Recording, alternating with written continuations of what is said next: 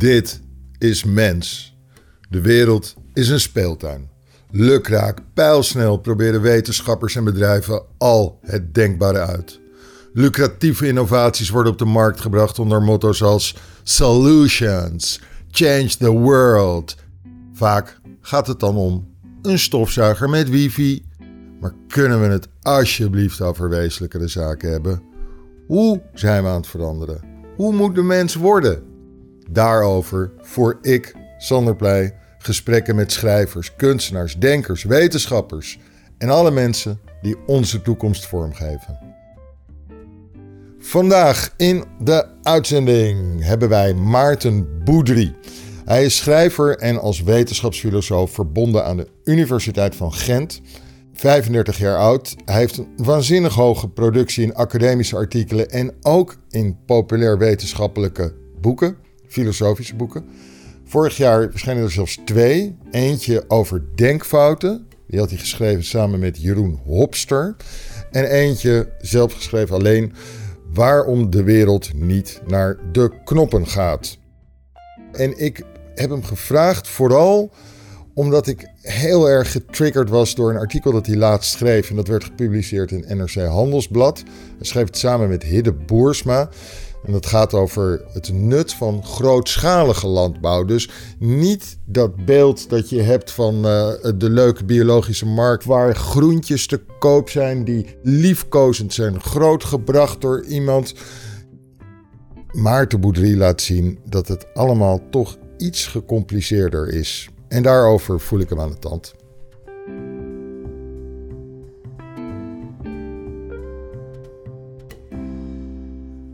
Maarten Baudry. Eh, ik heb je nu speciaal gevraagd omdat ik laatst een mooi onderzoek van jou uh, las. Een opinie was het na een onderzoek over de, uh, het nut van grootschalige landbouw. Dat was een artikel dat je in NRC Handelsblad schreef samen met Hidde Boersma. Dat gooide echt de knuppel in het hoenderhok. Ik kom mhm. nu in de verleiding om meteen een, een flauwe grap over ja, biologische te metafoor, ja precies. Ja. precies, maar dan gaan we lekker niet... steen in de kikkerpoel zeggen wij ook... Een steen in de kikkerpoel, die vind ik heel mooi. Ja, ik komt hetzelfde nog... neer als die knuppelen. nou, laten we het eventjes hebben over het boek dat je uh, vorig jaar schreef. Waarom de wereld niet naar de knoppen gaat dat als je het zo beschrijft, dat ik kocht het en toen, toen las ik het, toen leek het een beetje alsof er iemand net nog zo'n soort boek had geschreven. En dat was Rutger Bregman. Hmm. Zijn laatste boek bedoel je? Of uh, hij, heeft ook ooit een boek over vooruitgang geschreven. De meeste mensen deugen dus. Als, uh, wel, er zijn een aantal uh, gelijkenissen, maar de, de, ironie is een beetje dat ik, dat ik Rutger ja, die ik trouwens wel een beetje ken, ben ook op zijn podcast geweest, dat ik hem een aantal maanden geleden in een NRC-stuk ervan beschuldigd heb dat hij eigenlijk een beetje een vooruitgangsafvallige is. Dus iemand die vroeger in vooruitgang geloofde, maar die eigenlijk steeds meer is gaan opschuiven naar een vorm van nostalgisch denken, omdat hij heel sterk uh, ons verleden als jager-verzamelaars romantiseerde, en, en, naar mijn aanvoelen dan, en gelooft eigenlijk dat ja, we, we waren van nature vreedzaam uh, en gelukkig en in harmonie met de natuur. En dan kwam de beschaving en eigenlijk was dat een, uh, een fout idee. Maar ik denk dus dat er meer gelijkenis is tussen Rutger Bregman en mij ten tijde van de geschiedenis van de vooruitgang, dus zijn boek in 2013. En hij geeft zelf toe dat hij wat dat betreft een beetje van, van mening veranderd is. Ik ben wat dat betreft nog een uh, ja, je zou kunnen zeggen, een ouderwetse vooruitgangsdenker van de oude stempel. Dus ik ben niet echt geneigd om het verleden te romantiseren. Niet het verleden van 200 jaar geleden en ook niet het, het diepe verleden van uh, ja, tienduizenden jaren geleden, toen we nog als jarenverzamelaars leefden. Ik denk niet uh, dat als je, als je goed bij je verstand bent, dat je, dat je in die tijd zou willen leven. En bij Rutger ben ik er dus niet meer zo zeker van. Dus omdat hij zo, zo hard ervan overtuigd lijkt, in, in ieder geval vandaag toch, dat, dat het leven vroeger eigenlijk beter was kan jij hem eigenlijk volgens mij geen vooruitgangsdenker meer noemen. Maar ja, goed, dat zou je eigenlijk aan Rutger moeten vragen. Jouw eigen idee over vooruitgangsdenken is. Nou, nu, nu zal ik het eventjes heel erg uh, moeten chargeren en even kort door de bocht moeten nemen. De, is, Graag. Je zou kunnen zeggen dat jij in je boek samenvat dat er een stelsel van ideeën bestaat dat als een veenbrand door de geschiedenis woekerde, soms opflakkerde, soms weer een beetje uitdoofde, maar dat uiteindelijk in West-Europa in de 18e eeuw in de vorm van de verlichting uiteindelijk echt doorbrak. En dat sindsdien alles in een veel rapper tempo steeds beter en beter gaat. Dit is heel gechargeerd gezegd. En het valt goed mee eigenlijk. Dus dit, het is in ieder geval eh, niet, niet, de karikatuur die er vaak wordt van gemaakt, alsof, alsof vooruitgang een rechtlijnig, lineair verhaal zijn. Daar geloof ik helemaal niet in. En wat, wat je nu beschrijft is, is eigenlijk ja, daar heel duidelijk, denk ik, uh, van te onderscheiden. Uh, als vooruitgang een lineair verhaal zou zijn, zou je verwachten dat het geleidelijk aan beter gaat. Dus van het begin van de mensheid eh, tot aan de agrarische revolutie enzovoort. Maar dat zien we eigenlijk grosso modo niet. Er zijn periodes van terugval. Je zou kunnen zeggen dat moment van de agrarische revolutie, dat, we toen, dat onze levensstandaard toen eigenlijk gedaald is. Dat we toen een, veel miserabel leven zijn gaan leiden dan toen we als jager-verzamelaars hebben geleefd. Die zin trouwens ben ik het wel een beetje eens met Rutger Bregman. Maar eigenlijk de, 90, 95 procent van de menselijke geschiedenis zie je dat er nauwelijks vooruitgang is. Zie je ten hoogste een aantal uh, cycli. Dus je ziet, ja, af en toe is er eens een gouden tijd en uh, vroeg of laat breekt die dan ook weer ten einde en dan gaat het weer wat bergaf enzovoort. maar er zit niet echt een lijn in. En dat verandert inderdaad wanneer je in de 18e, 19e eeuw terechtkomt in West-Europa. Uh, het klopt dat er een aantal aanzetten zijn gegeven vroeger, bijvoorbeeld in het Bagdad van de Gouden Eeuw uh, of uh, in het antieke Griekenland, maar die zijn nooit echt doorgebroken. Dus daar zijn er wel aanzetten geweest van wetenschap en cultuur van dus ideeën die met elkaar mogen botsen en die steeds verbeterd worden. maar dat is pas doorgebroken in de 18e eeuw uh, of de 17e, 18e eeuw in Europa, dus met de wetenschappelijke revolutie en daarna de verlichting. En dan zie je inderdaad dat alles in een enorme stroomversnelling terechtkomt. En dat zie je dus ook als je kijkt bijvoorbeeld naar de levensverwachting of de mondiale armoede enzovoort. Gedurende het grootste deel van de menselijke geschiedenis zie je eigenlijk gewoon doffe ellende en nauwelijks een verandering. Dus een heel saaie, vlakke, eentonige lijn, ongeveer altijd evenveel armoede. 90% van de wereldbevolking, ongeveer altijd dezelfde levensverwachting, ongeveer 30 jaar. En het is pas vanaf de 19e eeuw, en niet, dus niet overal ter wereld, maar op een heel specifieke plek, eerst in uh, Engeland en daarna West-Europa, uh, zie je dat dat geleidelijk aan verbetert en daarna steeds sneller en steeds beter wordt. En de reden waarom dat ik verwijs naar die eerdere aanzetten is omdat ik zeker niet de indruk wil wekken dat dit een soort van uh, vermomde westers superioriteitsdenken is of zo. Ik ben er heel hard van overtuigd dat er helemaal niets westers is aan de verlichting. Het is gewoon toevallig, door de samenloop van omstandigheden, dat het hier voet aan grond heeft gekregen in West-Europa. Maar als je de geschiedenis opnieuw zou laten afspelen, dan kan ik mij voorstellen dat het misschien in Bagdad zou gebeurd zijn in de 9e of in de 10e eeuw, of misschien in het antieke China of in Griekenland of, of waar dan ook. Dus dat, is natuurlijk ook een van de kenmerken van wetenschap en van verlichting. Het doet er niet toe uh, wie een idee bedenkt, of welke huidskleur die, die persoon heeft, of welke religie hij aanhangt. Het gaat er vooral om wat is de kwaliteit van, van, van het idee en kan het afgetoetst worden aan de werkelijkheid? Is het een goed idee? Um, En ik denk dat dat een vrij universele uh, gedachte is en dat het dus eerder toeval is dat, dat die verlichting hier in, in West-Europa is ontstaan. Ja, we hebben het eigenlijk een beetje over twee verschillende dimensies bijna. Want we hebben het over de effecten of, uh, van vooruitgang, of het, hoe vooruitgang te meten is. Dus uh, minder lijden, minder snel doodgaan en, en minder armoede. En we hebben het over, wat jij zei, een stelsel van ideeën die dat bewerkstelligde en zorgde dat dat gebeurde. In het allerkortst lijkt het alsof je met dat stelsel van ideeën bedoelt dat we bedachten de trial and error en bedachten van hé, hey, je moet continu nieuwe ideeën opwerpen, zodat je ze daarna ook weer kan verwerpen door een beter idee. Ja, dat is inderdaad ongeveer het, het, het, stappenplan dat ik beschrijf in de inleiding van mijn boek. Dus hoe, hoe begin je aan een verlichting? Stel, je leeft in een cultuur vol dogma's en tradities en uh, old wives' tales, uh, boerenwijsheden enzovoort. De eerste stap die je moet ondernemen is je moet alles uh, overboord gooien. Je moet gewoon beginnen van, van een tabula rasa. En dan begin je met hypothesen, met ideeën. En je gaat die aan de werkelijkheid gaan toetsen en ook aan elkaar. Dus je gaat een proces van kritiek opzetten waarbij dat je ideeën laat beoordelen door andere mensen. En dan ga je vooral niet denken dat je de waarheid in pacht hebt. Nee, je gaat dat gewoon blijven herhalen telkens opnieuw de beste ideeën overhouden en de rest verwerpen. En op die manier uh, steeds betere kennis verwerven. En dan ga je die ideeën gaan toepassen natuurlijk. Dus wanneer je die kennis hebt verworven over de wereld, over de samenleving, over de mens, dan ga je proberen om de wereld naar je hand te zetten. Eerst kennis over de wereld verwerven en daarna de wereld naar, naar je hand te zetten om op die manier uh, de menselijke conditie te verbeteren. Dat is een heel abstract stappenplan natuurlijk, maar ik denk dat je dat kan toepassen zowel op de wetenschappelijke revolutie en eigenlijk ook een beetje op ons samenlevingsmodel. De manier waarop we in het parlement bijvoorbeeld een arena hebben waarbij ideeën kunnen botsen. Ze worden niet getoetst aan de, aan de werkelijkheid dan, Enfin, indirect wel, via onderzoeken enzovoort. Maar ze worden vooral getoetst aan elkaar. En op die manier gaan we dus de, eh, de beste ideeën overhouden. En als je voor iets als levensverwachting of armoede een verklaring moet geven van hoe we er dan in geslaagd zijn om, om die te verbeteren, dus om de armoede te doen dalen en de levensverwachting te doen stijgen, ja, dat is natuurlijk een zeer complex verhaal. Betere hygiëne, betere gezondheid, betere voeding, eh, meer veiligheid, minder geweld enzovoort.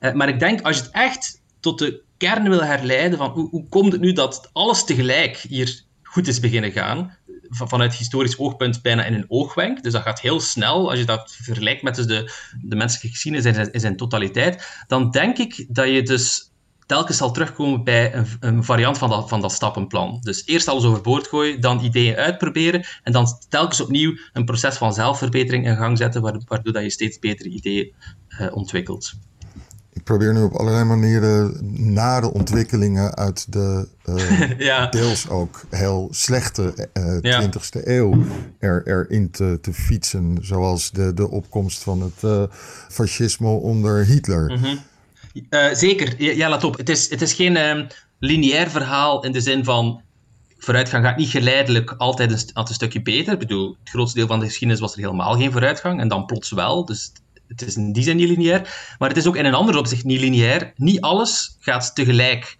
uh, vooruit. Um, dus in die zin had ik net een beetje overdreven. Heel veel belangrijke indicatoren van, van menselijk welzijn, waar we het ongeveer allemaal over eens kunnen zijn. Gezond zijn is beter dan ziek zijn. Uh, uh, leven is beter dan doodgaan. vredig met elkaar samenleven is beter dan elkaar de kop inslaan. Dus op heel veel vlakken gaat het vooruit. maar sommige van die, van die grafieken, dus als je daar een onderzoek naar uitvoert, die zijn een stuk grilliger dan andere. En het fascisme bijvoorbeeld, de opkomst van het fascisme, is een, een zeer belangrijke ja, uh, tegenvaller uh, en een algemene tendens wel die de goede richting uitgaat. Dus het blijft wel zo, als je kijkt gedurende de afgelopen eeuwen, dat we elkaar steeds minder geweld aandoen, uh, dat er steeds minder oorlogen worden gevochten, dat er minder onderdrukking is. Maar je ziet dat dat een zeer grillig proces is. Grilliger dan bijvoorbeeld het stijgen van de levensverwachting. Af en toe zie je dat er een enorme uitschieter is afhankelijk van dus ook, ook op, opnieuw toevallige historische gebeurtenissen, zoals een Hitler of uh, de depressie van de jaren 30 bijvoorbeeld, die ervoor zorgen dat er een tijdelijke terugval is in dat verhaal van vooruitgang. Ja, ik, bedoel, ik bedoelde eigenlijk dat ik eh, Hitler niet, niet zozeer zie als een uh, ouderwets fenomeen dat nog een keertje uh, de kop opsteekt, maar meer als een product van die moderniteit en een product ook van die verlichting. Ja, dat is de stelling van de Frankfurter school van uh, de Theodor Adorno en, en Horkheimer, die inderdaad nog een stap verder gaan en die zeggen nee, het is niet zomaar een terugval naar oude vormen van geweld en onderdrukking waarvan we dachten dat we verlost zijn. Nee, het is net bijna de apotheose van het, van het verlichtingsdenken. Nu, ik wil die discussie gerust voeren, maar daar ben ik het helemaal niet mee eens. Dus ik denk wel, behalve op oppervlakkige manieren kan je wel zeggen dat het, dat het fascisme dus een aantal eigenschappen in, in zich draagt die we associëren met de moderniteit. De manier waarop de holocaust is uitgevoerd, is echt een industriële manier. Dat is uniek in de geschiedenis.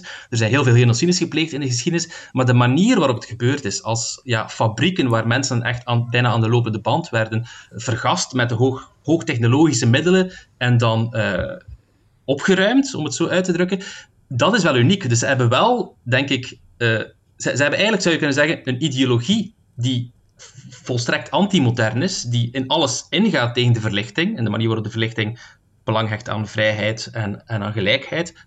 Alles uh, wat, wat Hitler en, en, en, uh, en zijn companen daar, uh, daarover dachten, ging in tegen het verlichtingsgedachtegoed. Maar tegelijkertijd hebben ze ook de wetenschap vooral en, en dus de, ja, de industriële revolutie ook gebruikt voor kwade doeleinden. En dat is natuurlijk ook het gevaar tegelijkertijd van wetenschap als je iets goeds wil verrichten, als je armoede wil uitroeien, of als je ziekten wil bestrijden, of, of als je het coronavirus wil uitroeien, ja, dan heb je wetenschap nodig. Wetenschap is de, de beste manier om om zoiets te bereiken. Maar als je kwade intenties hebt, als je een idee hebt, een, een, een, doelstelling die volledig ingaat tegen de verlichting, en je wil die ook op een zo efficiënt mogelijke manier bereiken, dan is wetenschap ook de beste manier. Dus als je een genocide wil plegen, ja, in plaats van het... uh, ik, ga, ga, nu wel de... Ja, een ongelukkige formulering gebruiken misschien, maar in plaats van het op een ambachtelijke wijze te doen, zoals de Hutus en de Tutsis hebben gedaan bij de uh, Rwandese genocide met machetes, dat is echt de oude manier waarop genocides werden gepleegd, hebben de nazi's het bijna inderdaad met wetenschappelijke industriële methodes gedaan. En ook daar waren ze bijzonder efficiënt in. Dus het is vooral die gevaarlijke combinatie van een anti-verlichte moraliteit of ideologie in combinatie met dus ja, de beste eigenschappen van de verlichting, namelijk de wetenschap en de hoogtechnologische uh, samenleving. Ja, nou nog heel eventjes wil ik, wil, ik, wil ik dat parkeren en even terug naar wat, wat ik zei. Want je hebt het nu over de uitvoering van de holocaust. Maar ja. ik bedoelde eigenlijk ook dat de wens van Hitler om de Joden uh, te vernietigen... Eh, enerzijds zeer tribaal lijkt. Maar er was, zat ook juist iets in, iets een ideologie in die wel ook sporen had van verlicht denken, althans waar hij zich op beroepte. En Hitler vond dat hij een democraat was, die het sociaal-democratie uh, vertegenwoordigde. Dus ik, ik heb het gevoel dat dat vooruitgangsdenken, dat gestoeld is op een aantal uh, ideeën die uit de verlichting, verlichting stammen, dat die ideeën uit de verlichting niet één op één goed zijn, maar dat die net zo goed heel erg gevaarlijk kunnen zijn en verkeerd kunnen worden aangewend. Nogmaals, als ze in de verkeerde handen terechtkomen, iemand die er kwade doelstellingen mee wil verwezenlijken, dan kunnen ze bijzonder gevaarlijk zijn. Net omdat ze zo succesvol zijn. Net omdat wetenschap in principe een, een, goede manier is om, om het even wat te bereiken. Dus, dus alles hangt af van, natuurlijk van wat dat je doelstellingen zijn. Uh, maar ik denk misschien ook een, een, betere illustratie van, van, de, van het punt dat je wil maken, is uh, hun, hun rassenleer natuurlijk. De nazi's die waren ervan overtuigd dus dat er een natuurlijke hiërarchie bestond in de rassen, dus in menselijke volkeren. Dat is op zich een, een animistische, oude, tribale, anti-verlichte gedachte. Uh, dus denk ik die op zich niets met de verlichting te maken heeft. Maar de manier waarop ze die vervolgens hebben ingekleed, en ze hebben daar een hele systematiek van gemaakt, een wetenschap eigenlijk. Het is geen echte wetenschap, het was iets wat pretendeerde een wetenschap te zijn, wat filosofen een pseudowetenschap noemen, waarvan we nu weten dat ze wetenschappelijk totaal geen enkele waarde had. Maar de manier waarop dus die, die rassenhaat zich manifesteerde bij de nazi's, die droeg natuurlijk wel de tekenen van zijn tijd. De, de, de verder is die fantastische roman van um, Jonathan Liddell, De Welwillenden, waarin hij dus ja, heel uitvoerig beschrijft hoe de nazi's eh, op een bijzonder theoretische en systematische manier dus ook allerlei onderscheiden gingen maken tussen half-Joden en kwart-Joden, afhankelijk van uw afstammingsrelaties enzovoort. Uh, iets dat heel akelig is, omdat het heel erg lijkt op wat dat wetenschappers ook doen, klassificaties die wetenschappers maken, bijvoorbeeld in de biologie van, uh, van natuurlijke organismen. Dus ik denk wel, vandaar dat ik zei, er zijn een aantal oppervlakkige eigenschappen in de ideologie van het, van het fascisme en van het nazisme, die inderdaad doen denken aan de moderniteit, omdat het natuurlijk een ideologie is die in de moderniteit is ontstaan. Maar ik denk, als je, als je dieper graaft en niet, niet, alleen kijkt naar die uitingsvormen, maar gaat kijken naar waar die ideologie vandaan komt, dan denk ik, en dat zou trouwens dat zou Hitler u zelf verteld hebben, dat het helemaal niks met de verlichting te maken had. Het ging in tegen bedoel, de Franse revolutie en, en de Amerikaanse onafhankelijkheidsverklaring. Daar, daar, zouden mensen als Hitler van gruwen. Hij geloofde helemaal niet in vrijheid of in gelijkheid zeker niet tussen volkeren, omdat hij ervan overtuigd was dat het ene volk uh, superieur was aan het andere en uh, aan een democratie geloofde hij al zeker niet. Hoogstens kan je zeggen dat hij de democratie op een zeer opportunistische manier heeft gebruikt omdat hij op een bepaald moment besefte dat, het, dat, het niet de, dat zijn putsch van uh, 19, uh, wat is het, 1923 in München, dat die, dat die was mislukt en dat hij dus een andere manier moest proberen om de macht te verwerven. Dan heeft hij ook gezegd, heel, heel pragmatisch, van oké, we gaan het democratisch spel meespelen, net zolang totdat we voldoende macht hebben verworven en daarna kunnen we het gaan afschaffen en dan kunnen we doen wat we altijd al wilden, namelijk een anti-verlichte dictatuur vestigen, waarbij dus één ras heerschappij heeft over uh, alle andere volkeren. En levensruim okay, okay. kan verwerven enzovoort. Ja. we zijn nu in een hele discussie over het nazisme verwikkeld. Maar, uh... Ja, ja. Nee, nog, nog, nog één vraag voor we het gaan hebben over ideeën over de, de landbouw. Nog, nog één. Eigenlijk zou je bijna komt bij mij de vraag op van wat heeft dat verlichtingsdenken en, uh, de, de, en, en, en het vooruitgangsdenken dat eruit voortvloeit, heeft dat eigenlijk straks nog wel veel waarde op het moment dat het ook allerlei uh, gevaren mee gaat brengen. Dus op het moment dat het kan zijn dat er een ongeluk met kernenergie gaat komen, mhm. of dat pandemieën zich nog sneller kunnen gaan verspreiden door de globalisering. Of op het moment dat er, dat er op een andere manier met, met het milieu iets mis kan gaan. Naast nog dingen waar we helemaal niks aan kunnen doen. Zoals we, we heet Sodomiet er een, keer, er een keertje een, eh, een meteoriet tegen onze planeet aan. Maar vooral die, die rampen die ons nu kunnen gebeuren omdat één mens, één iemand dankzij de wetenschap steeds meer kwaad kan. Komen we dan ook niet een keer op een punt dat we ja, dat, we, dat, dat het een beetje een uh, idee wordt, de, de, het, het verlichtingsdenken waar we, ja, waar we niet genoeg aan hebben? Wel, het is zeker een terechte vraag. Je kan perfect herkennen dat we dankzij wetenschap een heel aantal problemen kunnen oplossen en soms ook hebben opgelost. We hebben bijvoorbeeld de pokken uitgeroeid. Dat zou ons nooit zonder wetenschap gelukt zijn. We niet eens geweten, geweten hadden wat, wat de oorzaak was van de pokken. Dus je kan perfect herkennen um, dat de wetenschap toelaat om de geestels der mensheid, eh, waar, waar, waarmee dat we al millennia kampen, om die op te lossen, om die te gaan bestrijden. En dat zien we dus ook in de statistieken van de afgelopen twee eeuwen. En tegelijkertijd um, ook erkennen dat de wetenschap een aantal nieuwe gevaren heeft gecreëerd die er daarvoor niet waren. En kernoorlogen zijn daar natuurlijk het, meest sprekende voorbeeld van. Uh, vandaar dat, dat wetenschappers, geologen uh, met name, dus uh, met het, het, idee opperden om ja, een nieuw tijdperk te introduceren, het antropocene, het tijdperk van, van de mens, eh, omdat we zo'n ontzettend grote impact hebben op, op de planeet en op ons leefmilieu. En om dat tijdperk aanvang te doen vinden bij dus de eerste kernproef die werd uitgevoerd uh, in New Mexico, was dat zeker, Los Alamos, dus bij de eerste uh, proeven bij de voorbereiding van een, van een kernbom door de Amerikanen. Precies omdat het echt een ontzettend belangrijke historische gebeurtenis was. Het is voor het eerst in de geschiedenis van onze menselijke soort dat we potentieel in staat waren om onszelf uit te roeien. En dat is natuurlijk ook een effect van wetenschap. Dus dat is zeker iets waar je rekening mee moet houden.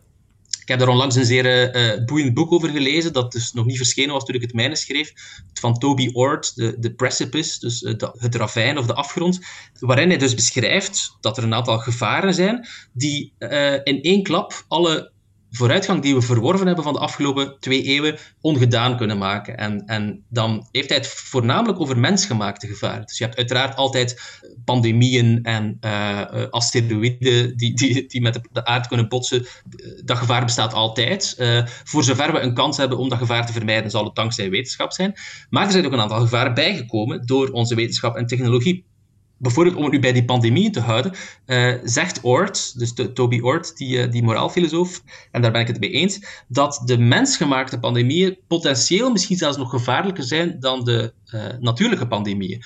precies omdat een natuurlijke pandemie is in principe een genetische loterij. Dus ja, moeder natuur die doet maar wat en af en toe lukt het eens. Dus bij de vorige, de, de SARS-epidemie bijvoorbeeld, ja goed, die was wel dodelijk, maar niet zo besmettelijk. Uh, dus dat was een, uh, een, gefaalde poging van moeder natuur om een uh, pandemie tot stand te brengen. Deze keer is het daar wel gelukt. Maar je zou natuurlijk in een labo een, een virus kunnen ont ontwikkelen dat dus de ergst denkbare eigenschappen met elkaar combineert. en als er iemand is iemand die vandaag het idee opvat om de mensheid uit te roeien, die dus een compleet anti-verlichte ideologie heeft, die kan wel met de methodes van wetenschap en technologie enorme ravages aanrichten op een gelijkaardige manier zoals dat Hitler uh, dat kon uh, in de jaren 30, 40.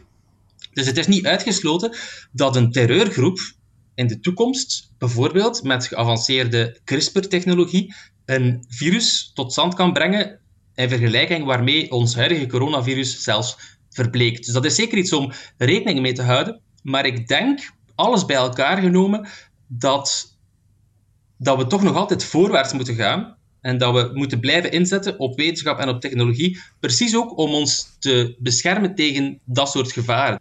Ik, ik herken zeker dat die, dat die gevaren bestaan. Dus dit is, wetenschap is een tweesnijdend zwaard. En je kan niet enkel de, de goede technologie gebruiken en de slechte technologie niet gaan ontwikkelen. Want technologie hebben een vaak een, uh, een tweeledig gebruik, dus dual use zoals dat dan heet. Um, je kan bijvoorbeeld op basis van genetische kennis kan je je beschermen tegen de volgende pandemie, maar je kan ook op basis van je genetische kennis en technologie kan je net een virus tot stand gaan brengen, waarmee dat je misschien honderden miljoenen of miljarden slachtoffers maakt. Dus dat is opnieuw, denk ik, een, een probleem waarmee dat we kampen. Het is een nieuw probleem. Het is een neveneffect van vooruitgang. En daar moeten we opnieuw hetzelfde mee gaan doen zoals we altijd al gedaan hebben. Namelijk het stappenplan uitvoeren dat ik helemaal in het begin heb beschreven.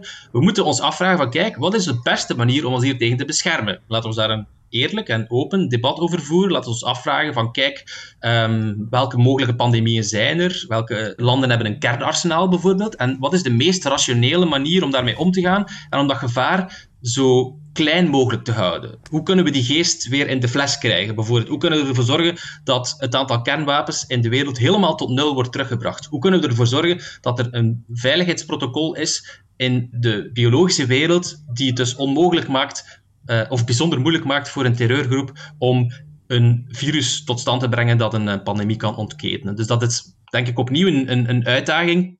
Er zijn mensen die zeggen, ja, we kunnen niet de, met dezelfde uh, methodes de problemen gaan oplossen die door die methodes zijn veroorzaakt. Maar dat, denk ik, is een denkfout. Het is niet omdat iets door wetenschap is veroorzaakt. Zonder wetenschap hadden we geen industriële revolutie gekend. Het is niet omdat de wetenschap daar aan de oorzaak ligt, dat je niet diezelfde wetenschap kan gebruiken om het probleem uh, te gaan oplossen. Het zou niet de eerste keer zijn dat we met de wetenschap een probleem oplossen dat we eerst met wetenschap hebben veroorzaakt. Het gat in de ozonlaag is daar het meest sprekende voorbeeld van. Zonder wetenschap zou er geen drijfgassen geweest zijn, zou dat gat in de ozonlaag er nooit gekomen zijn. Uh, maar het is ook dankzij de wetenschap dat we het opgespoord hebben en dat we vervolgens de handen in elkaar hebben geslaan en dat we gezegd hebben, nu gaan we dat gat dichten. En dat is ons ook min of meer gelukt. En ik geloof dat hetzelfde mogelijk is met klimaatopwarming en ook met de bescherming tegen pandemieën en tegen kernoorlogen en al die andere rampen. Ja, we gaan door naar. Eh, we gaan eventjes de landbouw oplossen. Want eh, deze problemen parkeren we nog eventjes verder. Je hebt een uh, opiniestuk geschreven in uh, NRC en in de Morgen, denk ik, in ja. uh, België. En dat ging over, ik, ik noem het zelf nu even, nieuwe dogma's. Voedsel moet niet duur zijn. Voedsel moet regionaal geproduceerd worden in een kleinschalig verband. Voedsel dat van ver weg komt, dat daar grootschalig geproduceerd wordt, dat is alleen maar slecht en zorgt voor een veel uh, grotere belasting van het milieu. Daar ga jij tegen in. Kun jij uitleggen hoe je daar tegen ingaat?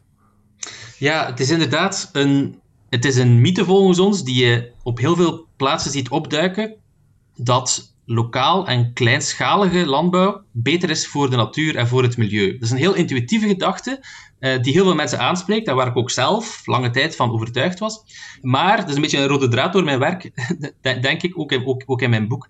Uh, mensen kunnen met de beste bedoelingen toch de verkeerde dingen doen. En zaken die intuïtief klinken, die zijn heel vaak verkeerd. Wetenschap is vaak heel contra-intuïtief. Het gaat in tegen wat we intuïtief aannemelijk uh, achten. Dus hebben wij gaan kijken naar recente studies, onder andere in Nature, die dus hebben berekend wat de impact is van landbouw, de verschillende aspecten van landbouw, de productie zelf, kunstmest, irrigatie en dan het transport van voedsel naar overal ter wereld. En dan blijkt dus, heel verrassend, ook voor mij, eh, dat slechts 10% van de uitstoot van ons voedsel veroorzaakt wordt door transport.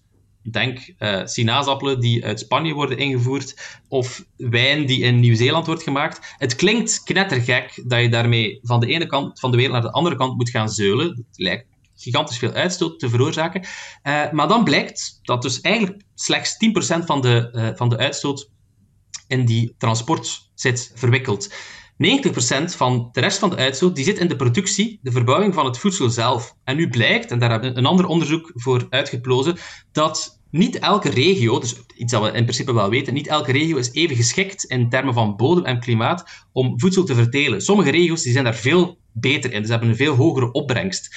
En als je dus de rekensom maakt, dan blijkt het dat het efficiënter is en dus ook beter voor natuur en milieu wanneer elk land eigenlijk het voedsel teelt waar de bodem en het klimaat het best voor geschikt is, en die vervolgens gaat uitvoeren naar de rest van de wereld. En zo'n systeem, het systeem dat we nu eigenlijk kennen van globalisering en intensivering, zorgt op het einde van de rit net voor minder uitstoot. Dus als je lokaal en kleinschalig koopt, dan kan je een klein beetje uitstoot vermijden door ja, doordat je geen vliegtuig nodig hebt of, of geen uh, vrachtschip. Maar je gaat net meer uitstoot veroorzaken omdat de productie van de lokale landboer een stuk minder efficiënt is. En dus minder efficiënt wil zeggen dat je meer water nodig hebt, meer kunstmest, dat je ook een groter stuk land nodig hebt. En hoe groter dat je, uh, dat je stuk land is voor je landbouw, hoe minder dat er overblijft voor de natuur. Dus ons stuk is eigenlijk een doorprikking van een aantal hardnekkige mythes uh, in verband met niet alleen uh, biologisch voedsel, maar kleinschalige en lokale voedselproductie in het algemeen. Dus heel veel mensen zijn ervan overtuigd dat klein en lokaal consumeren, dat dat goed is voor natuur en klimaat. En eigenlijk is het bijna andersom. We weten natuurlijk dat we hier een aantal mensen mee tegen de borst gaan stuiten, dus daarom hebben we in ons stuk ook geschreven um, dat we op zich helemaal niet gekant zijn tegen biologische landbouw of tegen kleinschalige en lokale landbouw. Uh, wij gaan zelf graag uh, bij de lokale versmarkt uh, groentjes eten die uit eigen streek komen, rechtstreeks van de, van de lokale boer. We hebben er op zich helemaal niets tegen. Het enige dat we bestrijden is het idee dat je daarmee de wereld kan voeden. Ik denk dat lokaal en kleinschalige landbouw waardevol kan zijn als niche-product en dat het ook plezierig kan zijn, dat het ook kleur en smaak geeft aan het leven, om het gevoel te hebben van, van verbondenheid met de natuur en met het voedsel dat ook in je eigen streek wordt uh, geteeld. Maar het is een misvatting, denk ik, om dat als een model te gaan zien om de hele wereld mee te gaan voeden. Wij zouden het net gaan omdraaien. In plaats van meer in te zetten op die lo lokale en kleinschalige productie, in plaats van af te stappen van intensivering en globalisering, moeten we net meer gaan inzetten voor, op globalisering en op intensivering, toch voor het grootste deel van onze voedselproductie. Dus er is zeker ruimte voor biologisch voedsel dat lokaal wordt geproduceerd. Maar ik denk, als je dus uh, de, de rekensom maakt van de totale voedselconsumptie uh, van 8 miljard mensen en binnenkort 10 miljard mensen, ja, dan is dat gewoon onmogelijk om dat te doen met zo'n model van, van dus uh, kleinschalige en lokale landbouw. Laat staan als je dan nog eens alles biologisch wil doen. Uh, en dat wil dus zeggen dat je geen kunstmest mag gebruiken en geen moderne bestrijdingsmiddelen. Dus het is, het is vaak zo dat, dat, dat is ook de, ja, de reden waarom we het stuk geschreven hebben. Dus zaken die intuïtief aan, aannemelijk lijken en die, die, die goed klinken, die kunnen toch vaak een heel ander effect hebben dan mensen voor ogen hadden. En van de andere kant, praktijken die net een slechte reputatie hebben, zoals intensivering en globalisering, die zijn net, geloof het of niet, beter voor natuur en milieu. Maar daarvoor moet je dus wel bereid zijn om ja, rationeel na te denken en te gaan kijken naar de cijfers en de, en de statistieken die daarover eh, beschikbaar zijn. Dus wij delen voor een groot stuk de doelstellingen van onze groene vrienden. Dus wij we noemen onszelf ook groen en ecologisch. Uh, we willen ook dat, dat er iets gedaan wordt tegen klimaatopwarming. We willen ook dat de soortensterfte wordt opgelost. Wij willen dat, dat, dat de ontbossing wordt tegengegaan, dat er, dat er nieuwe bossen worden aangeplant. Maar wij denken dat de, de methodes die daar nu voor worden ingezet door milieuactivisten en ook door dus de liefhebbers van lokale en biologische landbouw, dat die soms zelfs het tegendeel bereiken van wat ze eigenlijk voor ogen hebben. En dat is okay. de, de, rode draad waar ik daarnet over sprak. Uh, goede intenties kunnen toch soms ontaarden in, uh, ja, in kwalijke gevolgen.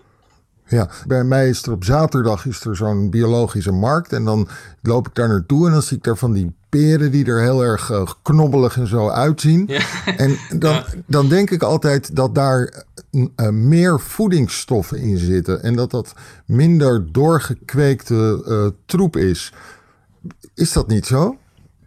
Ja, de, dat, is, dat is ook zoiets. Dat is een van de mythes die we terloops aanraken. Het is niet echt de, het, het, hoofdonderwerp van ons stuk. Uh, maar, maar, maar dat klopt dus ook niet. Dus als je daar studies naar uitvoert, Ach. Naar dus de, uh, de voedselwaarde van conventionele peren bijvoorbeeld, en dan de, de knobbelige, wat aangetaste peertjes die je terugvindt op de biologische markt, dan zie je dat daar eigenlijk nauwelijks verschil in bestaat. In bepaalde opzichten kan het zelfs gevaarlijker zijn om biologisch voedsel, biologische groente en fruit te consumeren, net omdat daar dierlijke mest bij betrokken is. Dus af en toe is, er zo eens een uitbraak van een E. coli-bacterie, die dus in het uitwerpsel van dieren zit. Ja, dat krijg je natuurlijk niet als je met kunstmest werkt. Nu wil ik zeker niemand afraden om naar de biologische markt te gaan. Ik, ik heb hier zelf, op 100 meter van mijn deur, is er een, is een, een biologische markt en daar koop ik ook uh, de knobbelige peertjes die je die beschrijft aan een iets uh, duurdere prijs, omdat ik het gewoon prettig vind om daar rond te lopen.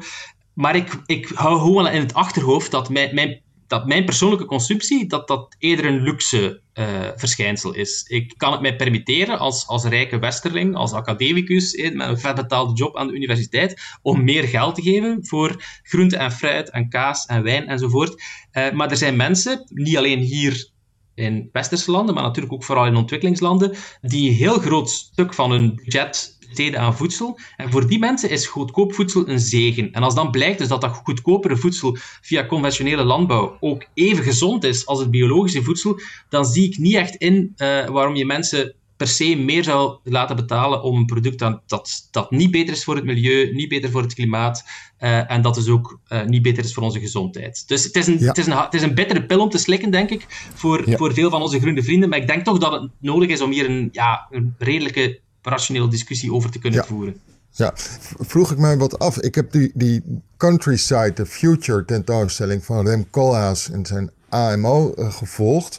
En daarvoor ben ik ook in Wageningen geweest. En heb ik daar gekeken naar de pixel farming. En ik heb daar in New York gezien hoe ze daar nieuwe tomatenkassen bouwden. Die je gewoon in een flatgebouw kan stoppen. Er is volgens mij het idee van uh, de aarde heeft de, dezelfde natuur als het uh, honderden jaren geleden had. En we moeten alleen nog even identificeren waar je best de dingen uh, kunt verbouwen zo werkt het toch helemaal niet meer. Het is toch al zo dat we. Dan zou je toch gewoon straks kunnen zeggen van hé, hey, het is het handigst om de hele Sahara vol met kassen te planten. En daar alle onze tomaten van de hele wereld neer te zetten. Ik bedoel, er is toch het, het idee dat, je, dat het ene land en de ene regio helemaal goed is voor dit en de andere niet. Dat is toch al een beetje. Ik geloof dat het alleen in Frankrijk met de wijn nog heel erg wordt geprobeerd. Maar we weten inmiddels ook dat je die net zo goed uit Chili kan halen. Uh, uh, wacht. Ja, geef daar maar eens antwoord op. Ja, ik ben niet zeker of ik de vraag begrijp. Dus het, het idee is of dat, dat uh, waar wij voor pleiten eigenlijk toch al voor een groot stuk is ingeburgerd? Is, is, is dat wat je... Wat nou ja, nee, dat je, wel, dat, je dan, dan, dat het een beetje een kunstmatige tegenstelling aan het worden is. Dus dat je wel kan zeggen ja. nu van ja, maar uh, dat land is perfect voor dit gewas. Maar dat kun je volgens mij alleen nog maar zeggen voor die, die kiwis in Nieuw-Zeeland en misschien nog een aantal andere Ah, oké, okay, op die manier, ja. Alles kan wel, nu toch op elke plek? Wel, er zijn altijd manieren om alles op elke plek te doen, maar die manieren zullen niet altijd even efficiënt zijn. Als je hier bijvoorbeeld uh, serres nodig hebt en misschien uh, speciale lampen die extra UV-licht uh, uitstralen of zo, ja, dan kan je hier in principe ook kiwis kweken, zelfs kiwis.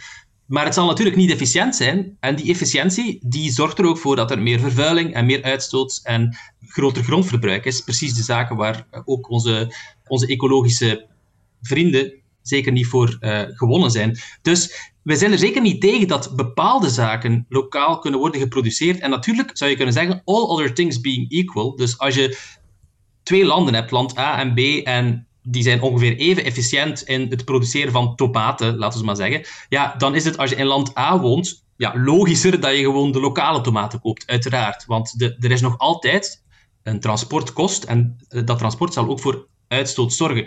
Maar uh, als, je, als je naar een realistische model kijkt van onze voedselproductie op dit moment, dan blijkt dat voor heel veel gewassen, dus niet alleen die kiwis, maar ook gewassen waarbij het vooral over gaat, waren de zogenaamde staple crops, dus graan, uh, maïs, sorghum, um, dat soort zaken, uh, dat er bepaalde regio's zijn die daar veel beter in zijn dan andere. Dus hoewel je het in principe overal ter wereld kan doen, of op de meeste plekken ter wereld, of op verschillende plekken ter wereld, zijn er toch bepaalde landen die er met kop en schouders bovenuit steken, dus die maar heel weinig middelen nodig hebben, heel weinig water, heel weinig kunstmest, heel weinig land, om eenzelfde hoeveelheid voedsel te gaan produceren. En dan kan het dus toch efficiënt zijn om voedsel een bepaalde afstand te laten reizen. Oké, maar je wil dus ook weer niet zo ver meegaan dat je zegt van er is daar wel een ontwikkeling in gaande, zoals je in Wageningen zag ik dat de pixel farming, waarin ze gaan kijken als je, wat er gebeurt wanneer je verschillende gewassen bij elkaar zet, of je dan niet meer allerlei insecticiden bijvoorbeeld hoeft te gebruiken.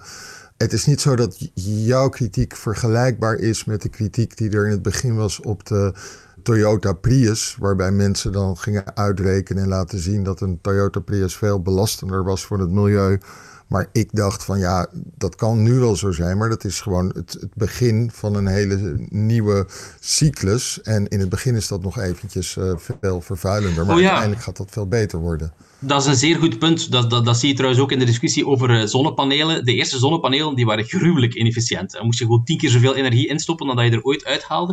Maar dat is het begin natuurlijk. Dus je hebt in, in, in heel veel van die, van die discussies heb je, heb je technologie die eerst een aantal ja, kinderziektes moet doorstaan en die dan steeds goedkoper en efficiënter wordt. En op een bepaald moment ja, kan, je dus, kan je er meer uithalen dan dat je erin stopt, in het geval van zonnepanelen. En dat geldt voor landbouw ook. Dus wij, wij hebben in die zin ook, denk ik, hoop ik, een open geest. Uh, dus wij bestrijden, denk ik, een aantal mythes uh, die populair zijn bij de voorstanders van biologische landbouw, van agro-ecologische landbouw. Maar dat wil erom niet zeggen dat we per definitie gekant zijn tegen alles wat ze doen. Sommige van de zaken die ze doen, die kunnen net nuttig zijn. En het voorbeeld dat je daar geeft van hoe je door bepaalde gewassen met elkaar te combineren, dat je het verbruik van insecticiden naar beneden kan halen, ik ken daar nu de details niet van, maar dat lijkt mij in ieder geval potentieel een heel interessant idee. Uh, het is trouwens niet toevallig dat ik mijn tekst samen heb geschreven met Hede Boersma. Hede Boersma heeft een PhD in de bodemmicrobiologie. Ik ben een, wetenschapsfilosoof, dus ik weet in het algemeen wel wat over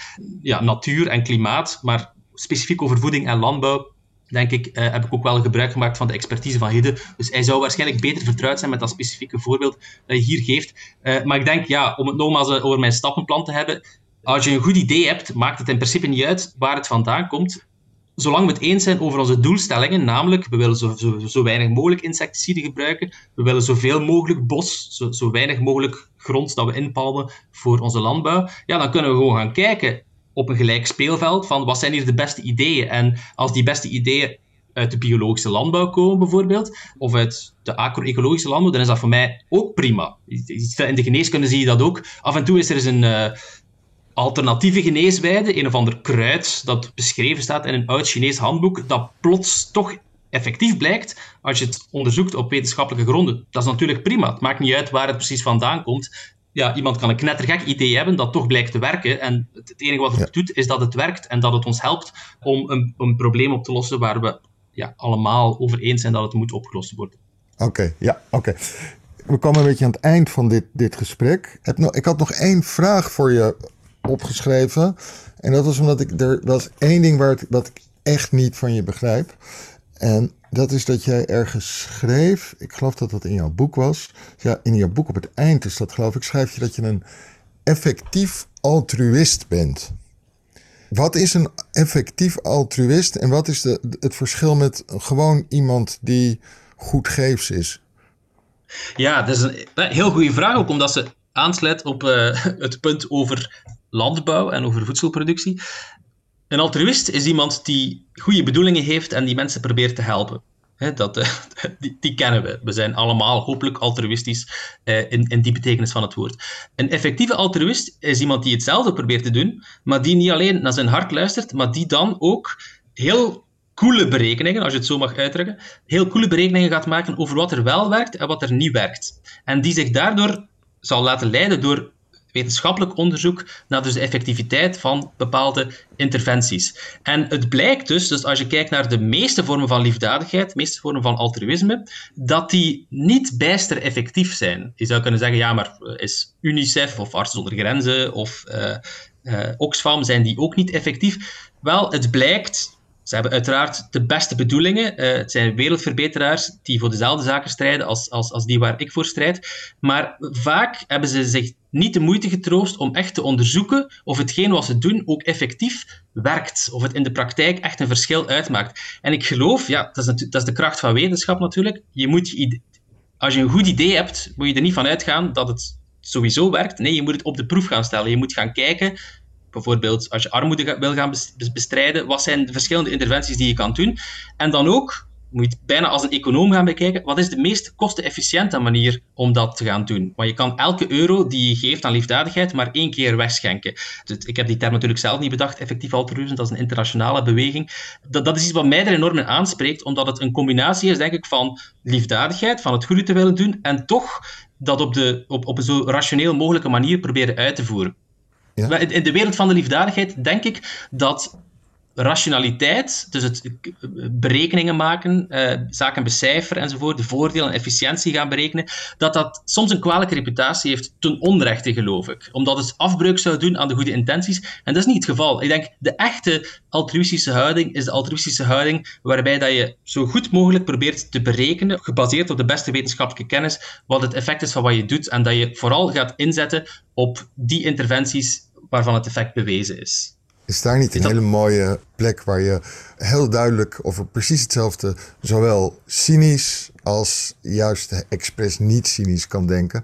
Namelijk, als ik weet dat mijn, mijn, mijn opa deed vroeger via de kerk, gaf hij aan van alles en nog wat. En omdat de kerk gewoon tegen hem zei: dit moet je geven, dat moet je daar doen, dat moet je zo doen jij uh, gaat niet meer naar de kerk, dus jij moet op de een of andere manier zelf uh, daarachter komen wat je moet doen. Uh, je gelooft niet zomaar het Rode Kruis of zomaar een andere organisatie. Dus je wil ook wat weten wat daarmee gebeurt. Je, je, en dan kan je aan de ene kant kan je zeggen van ja, dat komt doordat je ook meer betrokkenheid wil. En aan de andere kant kan je zeggen dat komt omdat je ook een vorm van wederkerigheid wil. Je wil zien dat wat je doet goed is. Wel, het is, het, is, het is wederkerigheid niet in de zin dat je iets terug verwacht, maar je verwacht wel een rendement. Dus, dus ik, ik gebruik heel bewust dat soort uh, economische termen daarvoor. Een effectief altruïst is iemand die echt bijna belegt op verschillende fondsen, dus de liefdadigheidsfondsen, en die een zo hoog mogelijk rendement wil. Met het grote verschil natuurlijk, dat het rendement helemaal niet voor hemzelf is, of voor haarzelf, uh, maar voor de mensen om wie het te doen is. Dus dat je probeert met elke 100 euro een zo hoog mogelijk rendement te krijgen in termen van gewonnen levensjaren of uh, verbeterde levenskwaliteit. Dus dat je er iets voor terug wil, ja, dat lijkt mij op zich logisch, want de, de bedoeling van liefdadigheid is natuurlijk niet dat je gewoon met een goed gevoel achterblijft. Dat kan je sowieso als je gewoon in een collectebus 10 euro stopt of zo. Je hebt geen flauw idee waar het naartoe gaat. Ja, dan kan je misschien met een warme gloed achterblijven van ik heb iets goeds gedaan uh, voor de wereld. Maar ja, daar gaat het niet om, toch, hoop ik. Dus toch, het gaat toch, om ik... dat je als ik heel cynisch ben, denk ik dan toch dat uh, mijn opa die kreeg er iets goeds voor terug, omdat de uh, pastoor zei van uh, dat is goed.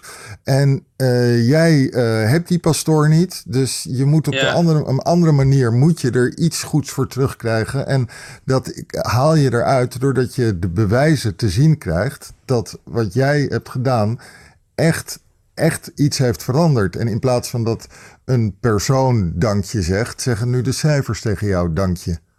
In die zin inderdaad klopt het. Dus het, het, de warme gloed die ik eraan overhoud wanneer ik iets wegschenk, is voor mij niet langer voldoende. Dus dat, dat, dat, uh, ik heb iets anders nodig inderdaad, dat mij voldoening geeft. En dat is niet, niet, niet luider het idee van, ah, ik heb iets gedaan voor het goede doel, maar is echt de wetenschap, en dat is heel concreet bij mij, want de, de, de goede doelen waaraan ik schenk, dat kan echt gaan opvolgen wat er met mijn geld gebeurt. Uh, in welk dorp in Malawi bijvoorbeeld, dat er uh, netten tegen muggen gekocht zijn om te beschermen tegen malaria. Dus in die zin wil ik inderdaad dat er iets tegenover staat. Maar ik denk, ik heb liever iemand die om de foute redenen geld geeft aan een effectief goed doel en daarmee mensenlevens redt, dan iemand die voor de goede redenen, vanuit een goede inborst, geld in een collectebus stopt dat uh, in een bodeloze put verdwijnt omdat er god weet wat mee gebeurt, uh, omdat er iemand mee fraudeert of, of, of wat dan ook, of, of dat er gewoon een of andere corrupte organisatie is die, die het geld op een of andere manier laat verdwijnen. Dus um, het gaat mij in de eerste plaats om die goede effecten dat je probeert te bereiken.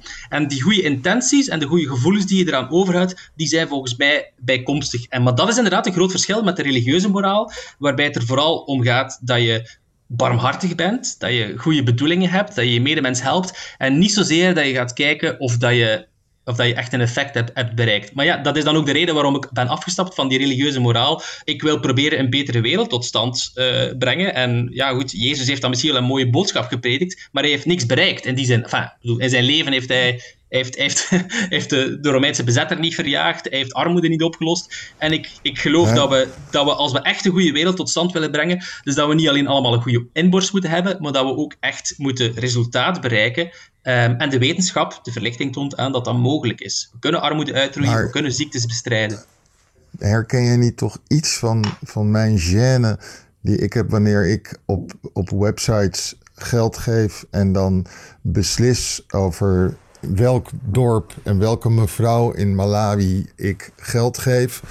Uh, want zo gaat dat tegenwoordig op, op, op websites, waarbij je heel gericht aan mensen dat geeft. Ik heb dan een ontzettende gêne. Ik voel me dan een soort hele, weet je, viezige westerling die daar dan eh, met geld daar een soort voor God probeert te spelen. Dat is waar. En, en ik, ik, ik herken die gêne wel degelijk. Um, twee, twee korte punten uh, zou ik daarover willen maken. De organisatie waar ik nu vooral geld aan doneer, die heet Give Directly. En die zorgt er eigenlijk voor dat het geld rechtstreeks bij de mensen uh, terechtkomt die het meest nodig hebben. Het zijn directe, onvoorwaardelijke cash transfers. Dus in die zin beslis ik niet in de plaats van de hulpbehoevende persoon wat hij nodig heeft. Nee, hij krijgt gewoon het geld. Ja, ik ken die persoon uiteraard ook niet. Dus hij mag gewoon uh, zelf um, beslissen wat hij, wat hij ermee aanvangt. Dus dat is één iets. Um, wat, wat dat betreft uh, ga, heb je, voel je misschien minder gêne, omdat je minder het gevoel hebt dat je almachtig kan beslissen over wie de hulp uh, verdient en wie niet. Dus er zijn objectieve criteria van welke persoon uh, het meest hulpbehoevend is en wie daarvoor in aanmerking komt. En het tweede punt dat ik wil maken, ik voel die gêne ook wel, maar tegelijkertijd bedenk ik mij, het zou toch spijtig zijn als ik mij door die gêne laat tegenhouden om iets te doen waarmee ik echt een mensleven kan redden. dan is opnieuw de vraag, gaat het om mijn psychologisch gevoel van onbehagen dat ik ervaar wanneer ik geld geef, of gaat het om het zeer reële effect dat je bereikt aan de andere kant van de wereld? Misschien moet ik dat dat gevoel van onbehagen, die gêne dat je beschrijft, misschien moet ik die dan ook even aan de kant schuiven, in de veronderstelling dat het echt werkt natuurlijk, hè, want hier gaan we vanuit. Dan, dan ben ik bereid wel om eventjes die, uh, die te voelen, uh, ook om bijvoorbeeld om erover te vertellen. Dus ik, heb, ik ben ook opgegroeid met de katholieke moraal, en de katholieke moraal zegt niet alleen dat je een goede inborst moet hebben, maar vooral ook dat je discreet moet zijn. Je moet dan niet aan de grote klok hangen, dat je geld hebt gegeven aan het goede doel bijvoorbeeld.